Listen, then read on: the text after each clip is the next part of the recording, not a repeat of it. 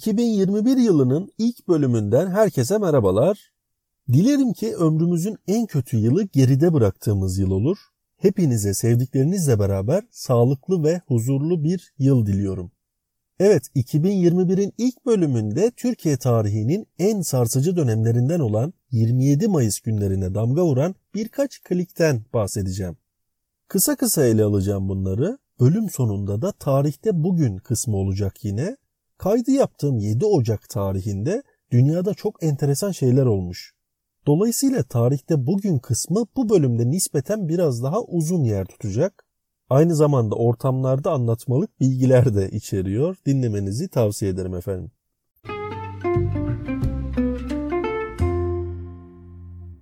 Cumhuriyet döneminde gerçekleşen ilk askeri darbenin spesifik olarak birkaç farklı noktasında rol oynayan kliklerden bahsedeceğimi söyledim. Bunlardan ilki askeri müdahale öncesi bardağı taşıran son damla olarak anılan Demokrat Parti'nin kurduğu tahkikat komisyonu. Sonrasında junta yönetimi tarafından oluşturulan Milli Birlik Komitesi ve üçüncü olarak da 38 üyesi bulunan Milli Birlik Komitesi ile sonradan fikir ayrılığı yaşayıp yine komite tarafından sürgüne gönderilen 14'ler. Detaylara girmeden önce Türkiye'nin acı tecrübelerinden olan ve sonsuza dek de yaşamayı istemediğimiz darbeler ve e, dayanak noktaları hakkında birkaç söz söylemek istiyorum.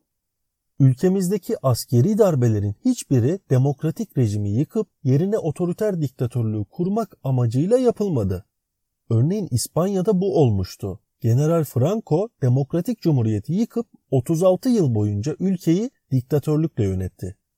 Türkiye'de 27 Mayıs 1960 darbesiyle birlikte gerçekleşen diğer tüm darbeler yerini birkaç yıl sonra demokratik düzenin yeniden tesis edilmesi amacıyla kurulan sivil hükümetlere devretti. Cumhuriyet Türkiye'sinde darbelerin arkasında yatan en büyük meşruiyet unsuru 1934 tarihli Türk Silahlı Kuvvetleri İç Hizmet Kanunu'nun 35. maddesiydi. Neydi o madde bakalım? Silahlı kuvvetlerin vazifesi Türk yurdunu ve anayasayla tayin edilmiş olan Türkiye Cumhuriyeti'ni kollamak ve korumaktır ifadesiydi.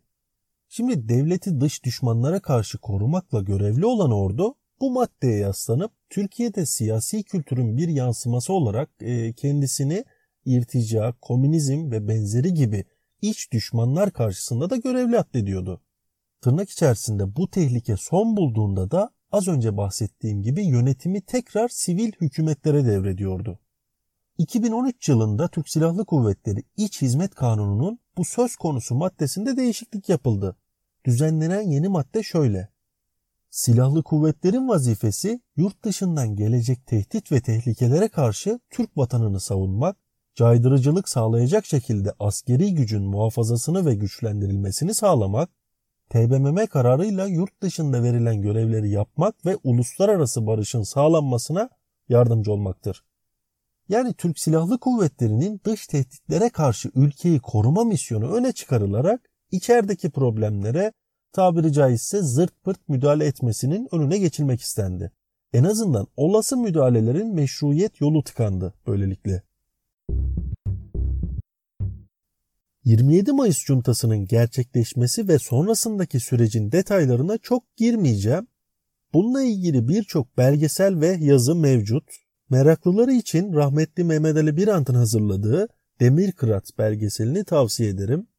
Benim gibi Cumhuriyet sonrası siyasi tarihe meraklıysanız şayet YouTube'da 32. gün arşivinde birçok şey bulabilirsiniz. Kısa kısa ele alacağım başlıklar şunlar. Tahkikat Komisyonu, Milli Birlik Komitesi ve 14'ler.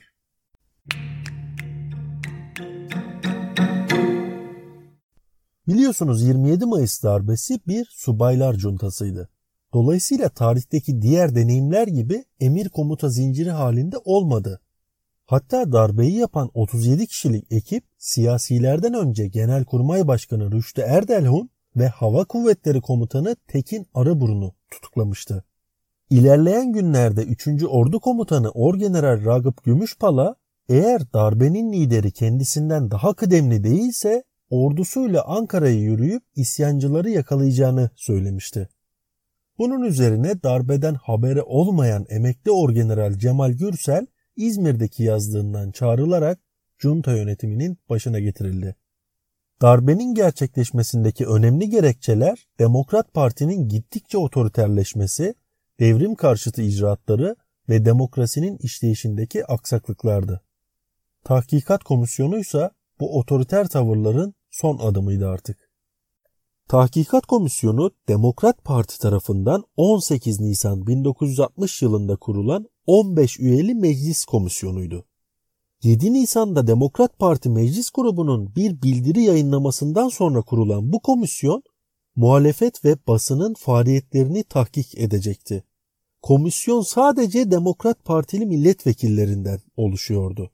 Bildiride CHP'nin ülkedeki bütün yıkıcı grupları çevresinde topladığı halkı orduyu iktidara karşı ayaklanmaya kışkırttığı öne sürüldü. Bu bildirinin ardından Demokrat Parti Meclis Grubu TBMM Başkanlığında muhalefetin eylemlerinin soruşturulması için bir önerge verdi. Önerge 27 Nisan 1960 tarihinde meclisin büyük çoğunluğuyla kabul edildi. 28 Nisan 1960 tarihinde resmi gazetede yayınlanarak yürürlüğe konuldu. Buna göre bir tahkikat komisyonu oluşturulacak ve bu komisyon 3 ay boyunca muhalefetin ve basının eylemlerini soruşturacaktı. Milli Birlik Komitesi 27 Mayıs 1960 tarihinde Demokrat Parti hükümetini askeri darbeyle deviren ve az önce de bahsettiğim gibi sonradan başına e, Orgeneral Cemal Gürsel'in getirildiği Türk Silahlı Kuvvetleri'ne mensup 38 kişilik bir juntadır. Üyelerden İrfan Baştuğ'un trafik kazasında hayatını kaybetmesi sonucu Milli Birlik Komitesi'nin sayısı 37'ye düşmüştür. Şimdi gelelim 14'lere. Türkiye'deki junta yönetimlerinin eğilimlerinden bahsederken şunu söyledim az önce. Ülkemizdeki askeri darbelerin hiçbiri demokratik rejimi yıkıp yerine otoriter diktatörlüğü kurmak amacıyla yapılmadı. Amaç en kısa sürede demokratik sisteme geri dönmek, sivil hükümetlere yönetimi devretmekti. Fakat Milli Birlik Komitesi'ni oluşturan 37 üyeden 14'ü iktidarı bırakma yanlısı olmamakla birlikte temel bir takım siyasi reformlara da karşıydı. Kurmay Albay Alparslan Türkeş liderliğindeki 14'ler ismiyle anılan bu grubun genel fikri eğilimleri şöyleydi. Mevcut siyasi organizasyonlar kendi ifadeleriyle statikocu, muhafazakar olmaları nedeniyle ülkenin büyük sorunlarına köklü çözümler getiremezdi. 14'lere göre Türkiye'nin zaman kaybetmeye tahammülü yoktu ve bundan dolayı tarafsız ve güçlü bir milli birlik komitesi iktidarı sağlık hizmetleri sosyalizasyonundan başlayıp toprak reformuna kadar uzanan bir dizi reform politikasını gerçekleştirene kadar yönetimde kalmalıydı. Bu reformu yürürlüğe geçirebilmek içinse en az 4 yıllık iktidar dönemi öngörülüyordu. Yani 14'ler en az 4 yıl boyunca iktidarı bırakmaya niyeti değildi. Demirkırat belgeselini izlerseniz o dönemki 14'lerin bu talebine cevap olarak e, darbenin komutanı Cemal Madanoğlu şunları söyler ve belgeselde de sözlerini yineler. Biz askeriz, tarım politikalarından anlamayız, sağlık politikalarından anlamayız, ekonomiden anlamayız. Dolayısıyla en kısa sürede yönetim sivil hükümete devredilmeli. Yani tam metni böyle olmasa da en azından bu minvalde sözler söylüyor Madanoğlu. Nitekim komite içindeki anlaşmazlıkların siyasi bir bunalıma dönüşmesi üzerine 13 Kasım 1960 yılında Milli Birlik Komitesi Başkanı Orgeneral Cemal Gürsel bir bildiri yayınlar. Milli Birlik Komitesi'nin çalışmalarının ülkenin yüksek çıkarlarını tehlikeye düşürecek bir duruma geldiğini, bu nedenle de Türk Silahlı Kuvvetleri ile Milli Birlik Komitesi üyelerinin talepleri üzerine komiteyi feshettiğini açıklar. Sonrasında oluşturulan yeni Milli Birlik Komitesi'nde ise bu 14'lere yer verilmez. Ve tasfiye edilen bu kişiler Türk Silahlı Kuvvetleri'nden de emekli edilerek çeşitli görevlerle yurt dışına sürgüne gönderilirler. Sürgün dediğimizde e, yani öyle kötü bir hayat değil. Mesela Alparslan Türkeş Yeni Delhi'ye büyükelçi olarak gönderilmişti.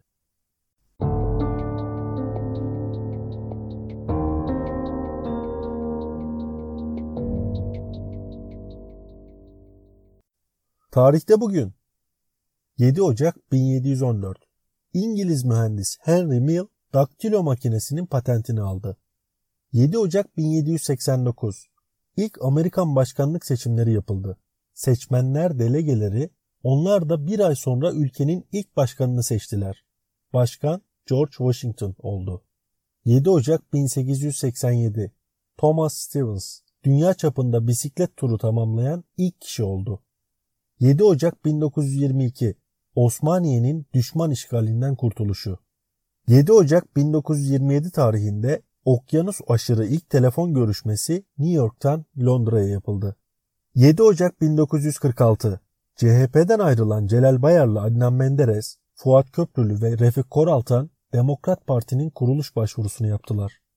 7 Ocak 1953 tarihinde Amerika Birleşik Devletleri Başkanı Truman ülkesinin hidrojen bombası geliştirdiğini açıkladı.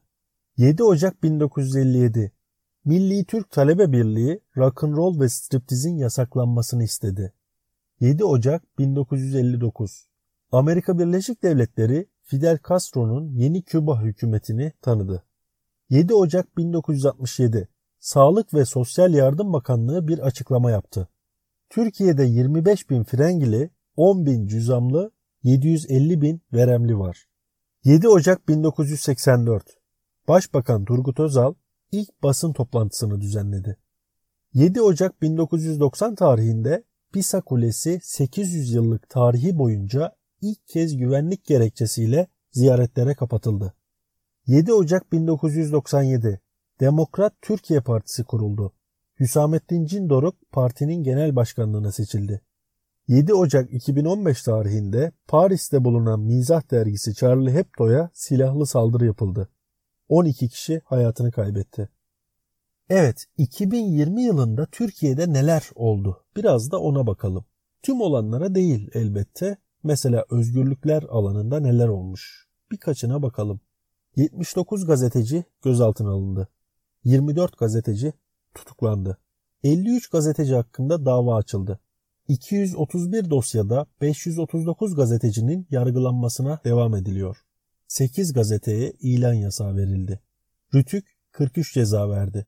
1960 adet habere erişim engeli getirildi.